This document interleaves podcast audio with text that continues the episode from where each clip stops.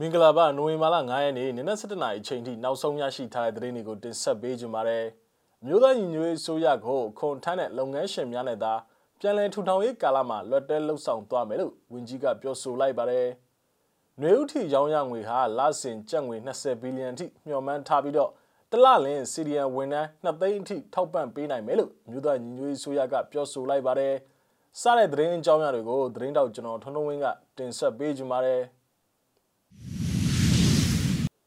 ပထမဆုံးအနေနဲ့တင်ဆက်ပေးခြင်းတဲ့သတင်းကတော့မြို့သားညီညွတ်ရေးအစိုးရကိုခွန်ထမ်းဆောင်တဲ့စီးပွားရေးလုပ်ငန်းရှင်များနဲ့သာပြန်လည်ထူထောင်ရေးကာလမှာလက်တွဲလှုပ်ဆောင်သွားမယ်လို့မြို့သားညီညွတ်ရေးအစိုးရရဲ့စီမံကိန်းဗန္ဒာရေးနဲ့ရင်းနှီးမြှုပ်နှံမှုဝန်ကြီးဌာနပြည်ထောင်စုဝန်ကြီးဦးတင်ထွန်းနိုင်ကပြောဆိုလိုက်ပါတယ်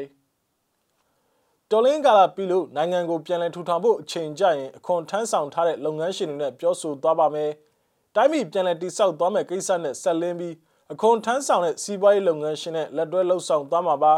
အခွန်မထမ်းဆောင်တဲ့လုပ်ငန်းရှင်တွေကိုတည်ဆဲဥပဒေနဲ့အညီရေးယူမယ်လို့၎င်းကပြောဆိုလိုက်ပါတယ်အမျိုးသားညီညွတ်ရေးဆိုရစီမံကိန်းဗဏ္ဍာရေးနဲ့ရင်းနှီးမြှုပ်နှံမှုဝန်ကြီးဌာနရဲ့ຫນွေဦးထီအခွန်ကောက်ခံနေမှုငွေတိုက်စာချုပ်ရောင်းချတဲ့ကိစ္စရပ်များနဲ့ပတ်သက်ပြီးတော့နိုဝင်ဘာလ၄ရက်နေ့ညနေပိုင်းကပြုလုပ်ခဲ့တဲ့ online သတင်းစာရှင်းလင်းပွဲမှာရင်းကဲ့သို့ပြောဆိုခဲ့ခြင်းဖြစ်ပါတယ်နိုင်ငံခြားမှာရှိတဲ့ဘဏ်အကောက်ကိုပြည်တွင်းကလူတွေက အခက်ခဲမျိုးမျိုးနဲ့ဆောင်တာဖြစ်ပါတယ်အဓိကကျတဲ့လုပ်ငန်းရှင်တွေဘက်ကပေးဆောင်တာရာခိုင်နှုန်းကနည်းပါသေးတယ်တာမန်ဝင်တဲ့စီးပွားရေးလုပ်ငန်းအစုလေးတွေကဆောင်နေကြတာပါလက်ရှိမှာတော့ဒေါ်လာ3သိန်းခွဲလောက်စီးဝင်လာတာမျိုးရှိပါတယ်ပိုပြီးတိုးတက်မှုကိုမြင်နေရပါတယ်လို့ပြည်ထောင်စုဝန်ကြီးဦးတင်ထွန်းနိုင်ကပြောဆိုပါတယ်အမျိုးသားညီညွတ်ရေးဆိုရရဲ့ຫນွေဦးတော်လှန်ရေးကာလအတွင်းမှာဘတ်ဂျက်လိုအပ်ချက်ဟာကာကွယ်အသုံးစိတ်မပါဝင်ပဲ အမေရိကန်ဒေါ်လာတန်း800လိုအပ်ခဲ့ပြီးတော့အခွန်ရရှိရန်အတွက်ຫນွေဥထီရောင်းချခြင်းအခွန်ကောက်ခံခြင်းနဲ့ငွေတိုက်စာချုပ်ထုတ်ရောင်းခြင်းတို့ကိုပြင်ဆင်လှုပ်ဆောင်လာခဲ့ခြင်းဖြစ်ပါတယ်။ຫນွေဥထီကိုမှန်းထားတာကကျပ်ငွေဘီလီယံ1400ကန်ဒေါ်လာတန်း900 800လောက်ရရှိဖို့မှန်းထားပါတယ်။အခွန်ကတအီးနဲ့လာနေမှာဖြစ်ပါတယ်။အခွန်ကအလုံးကနေရဖို့မျှော်လင့်လို့တော့မရနိုင်သေးပါဘူး။ငွေတိုက်စာချုပ်ကိုရယုံကြည်ကြည်နဲ့ဝင်လိုအပ်တဲ့ဘတ်ဂျက်ကိုဖြည့်ဆည်းနိုင်တယ်လို့ပြည်ထောင်စုဝန်ကြီးကဆိုပါတယ်။ အခွန်ထမ်းဆောင်လို့တဲ့ပြည်သူများနဲ့စီးပွားရေးလုပ်ငန်းများအတွက်ရည်ရွယ်ပြီးတော့ online မှာတစ်ဆင့်အခွန်ထမ်းဆောင်နိုင်ရန်အမျိုးသားညီညွတ်ရေးအစိုးရ NUG ကစီစဉ်ထားတယ်လို့သိရပါတယ်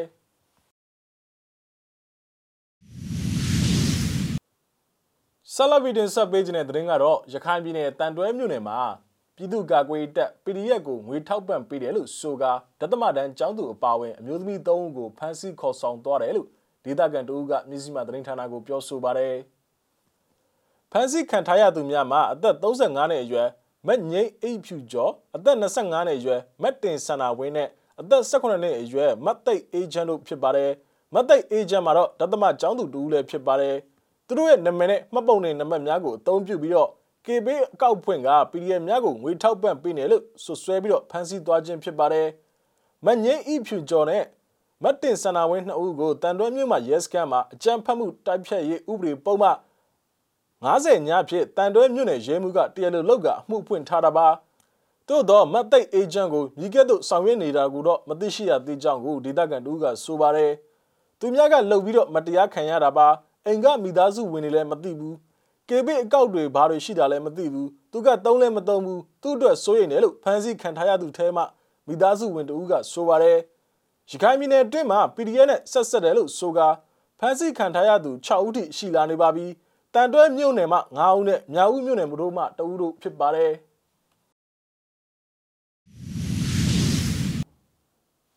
နောက်ထပ်တင်ဆက်ပေးခြင်းတဲ့သတင်းကတော့မြမနွေဦးထီရောင်းရငွေလစဉ်ကျပ်ငွေဘီလီယံ20အထိမျှော်မှန်းထားပြီးတော့အဆိုပါရောင်းရငွေပေါ်မူတည်ပြီးတော့တလလင်စီရီယံဝန်ထမ်း2သိန်းထိထောက်ပံ့ပေးနိုင်မယ်ဖြစ်ကြောင်းကိုမြို့သားညီညွတ်ရေးဆိုရရဲ့စီမံကိန်းဗန္ဒာရေးနဲ့ယင်းနှိမ့်မြုံနယ်မှုဝန်ကြီးဌာနဒုတိယဝန်ကြီးဦးမင်းစေရဦးကပြောဆိုလိုက်ပါတယ်။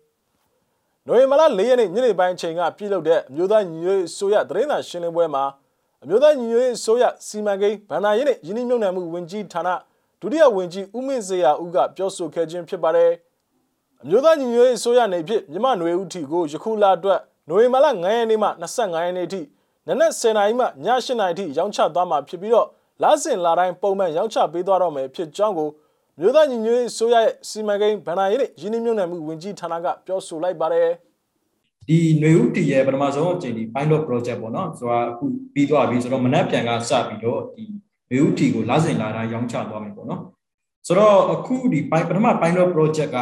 ရောင်းရငွေကနေပြီးတော့ CDN ဝန်ထမ်းဘဏ္ဍာဥကို ငွေချက်ဘလောက်လောက်များဝင်ကြီးတို့ထောက်ပံ့နိုင်ခဲ့ပြီလေပေါ့နော်ဒါပထမဆုံးမေးဖို့ပါဗျ။တစ်ဆက်တည်းပေါ့နော်ဒီမနက်ဖြန်ဒီစရောင်းမဲ့အခြေအနေတွေနဲ့ပတ်သက်ပြီးတော့နည်းနည်းဖြစ်ဆွဲပြီးပြောပြလို့ပေးစေလိုပါတယ်ခင်ဗျာ။ဟုတ်ကဲ့မြေစီမအောင်ကျေးဇူးတင်ပါတယ်ကျွန်တော်ကမျိုးထင်တဲ့ပတ်သက်ပြီးတော့အဓိကဖြစ်သွားမှာဖြစ်ပါတယ်။ကျွန်တော်မျိုးထင်တဲ့ပတ်သက်ပြီး pilot project ကာလမှာကျွန်တော်မျိုးဒီရောင်းချတဲ့အချိန်ကာလက အဲကျွန်တော်စုစုပေါင်း10ရက်ရောင်းပါတယ်10ရက်မှာတစ်ရက်ကိုမှကျွန်တော်တို့ရောင်းချတဲ့တချို့ရက်တွေမှာတနာရီဖြစ်ပြီးတော့တချို့ရက်တွေမှာအဲနိုင်ဝက်ဝန်ကျင်လာရှိတယ်နိုင်ရောင်းချခြင်းကကျွန်တော်တို့အချိန်စုစုပေါင်း9နာရီဝန်ကျင်လောက်ပဲဟိုရှိခဲ့ပါတယ်ဒါကကျွန်တော်တို့စံတက်ကာလဖြစ်တယ်လိုအပ်တဲ့ဟာလေးတွေပြင်ဆင်တယ်အဓိကကျွန်တော်တို့စဉ်းစားပြီးတော့ဆောင်ရွက်နေတဲ့ကိစ္စကဒီထိုးတဲ့လူဒီနောက်ပြီးတော့ခက်ပြောင်းပေးရတဲ့ CDM တွေရဲ့ပုံစံကြီးပါ တို့ရဲ့လုံခြုံရေးကိုကျွန်တော်တို့ကအထူးခယူးဆိုင်ပြီးတော့ pilot project မှာစီစဉ်ဆောင်ရွက်နေတာဖြစ်တယ်လို့အခုလူတွေဥတီ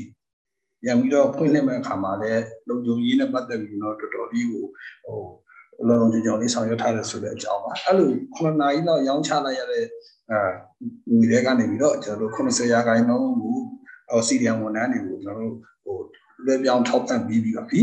အဲဒီနေရာမှာကျွန်တော်ဖြည့်ဆွတ်ပြောချင်တာကစီဒီယံဝန်ထမ်းတွေကိုကျွန်တော်တို့ကအဲ့ဒီ pilot project မှာတော့ကစီဒီယံဝန်ထမ်းအားလုံးမပါဝင်ပါဘူးအဲမပါဝင်မဲ့နဲ့ကျွန်တော်တို့ဝန်ထမ်းဦးရေ9000 800ကျော်လောက်ကိုကျွန်တော်တို့ကစတက်ဖြည့်ရွေးပြီးတော့ session ရွေးတယ်ဆိုတဲ့နေရာမှာတော့ဟို ready ဖြစ်တယ်အသင့်ဖြစ်တယ်အဲဝန်ကြီးဌာနအသီးသီးကပေးပို့လိုက်တဲ့အဲ ready ဖြစ်နေတဲ့ account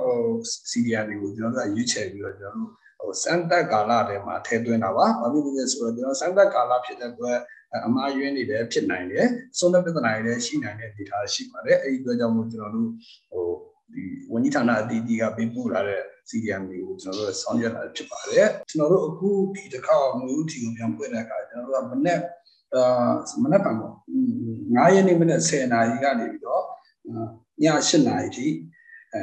နေ့စဉ်ရက်ဆက်ရောက်ပါပါ25ရက်တိရောက်မှာ ဖြစ်ပါတယ်25ရက်နေ့တိရောက်မှာဖြစ်ပါတယ်အဲ့ဒီအတွက်ကျွန်တော်တို့မှန်းထားတဲ့ပမာဏကဗီဒီယို20လောက်ရှိပါတယ်ခင်ဗျဗီဒီယို20လောက်ရရှိပါလိမ့်မယ်ကျွန်တော်တွက်ချက်ဒါလည်းအနေထားမျိုးရှိပါတယ်ဒါကကျွန်တော်တို့မြန်မာတွက်ချက်ထားတဲ့ပုံစံမှာအမျိုးတီဒီလက်မှတ်အကုန်လုံးလာကိုရင်ကျွန်တော်တို့ဘီယန်20ဝန်းကျင်လောက်ခံမှန်းတာအဲ့ဒီဘီယန်20ဆိုတာစီရီယံဝန်ထမ်းအဲကျွန်တော်တို့တယောက်ဟိုတဦးကိုတသိန်းထောက်ပံ့မယ်ဆိုတော့ကျွန်တော်တို့ဟို တေးအဲ sorry ဝန်ထမ်းလူဦးရေ2သိန်းစာလောက်စီရီယံဝန်ထမ်း2သိန်းစာလောက်ကိုကျွန်တော်မြန်မာတွက်ချက်တာဖြစ်ပါတယ်ဒီအချိန်မှာတော့ကျွန်တော်တို့ဟိုတောက်လျှောက်ထောက်ပံ့သွားဖို့ဟိုစီစဉ်နေတဲ့အနေအထားတွေစတင်ပြီးတော့ဆောင်ရွက်နေတဲ့အပိုင်းတွေရှိပါတယ်နောက်ဆုံးနေ့နဲ့တင်ဆက်ပေးခြင်းတဲ့သတင်းကတော့မန္တလေးမြို့ရဲ့တိတ်ပံလမ်းမတနေရာမှာနိုဝင်ဘာလ9ရက်နေ့နနက်စောပိုင်းချိန်ကစမှုတပိတ်စစ်ကြောင်းကမတရားမိတ်ဟုသမျှရေရဲတောက်ဆန့်ကျင်ကြဆိုတဲ့ စာသားရေးသားထားတဲ့ပိတ်စာကိုချိတ်ဆွဲပြီးတော့အကြမ်းဖက်စစ်ကောင်စီလိုမရှိကြောင်းကိုဆန္ဒပြခဲ့ကြပါတယ်။ဆန္ဒပြဗီဒီယိုဖိုင်ကိုကြည့်ရှုရအောင်ပါ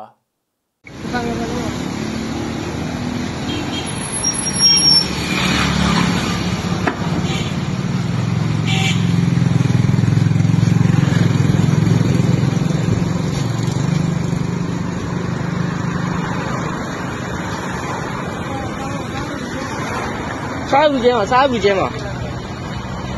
好，再来一斤，好，再来一斤。三三皮筋嘛。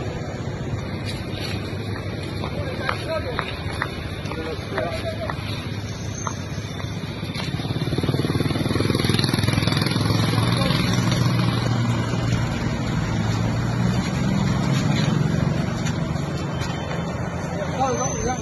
好多鱼。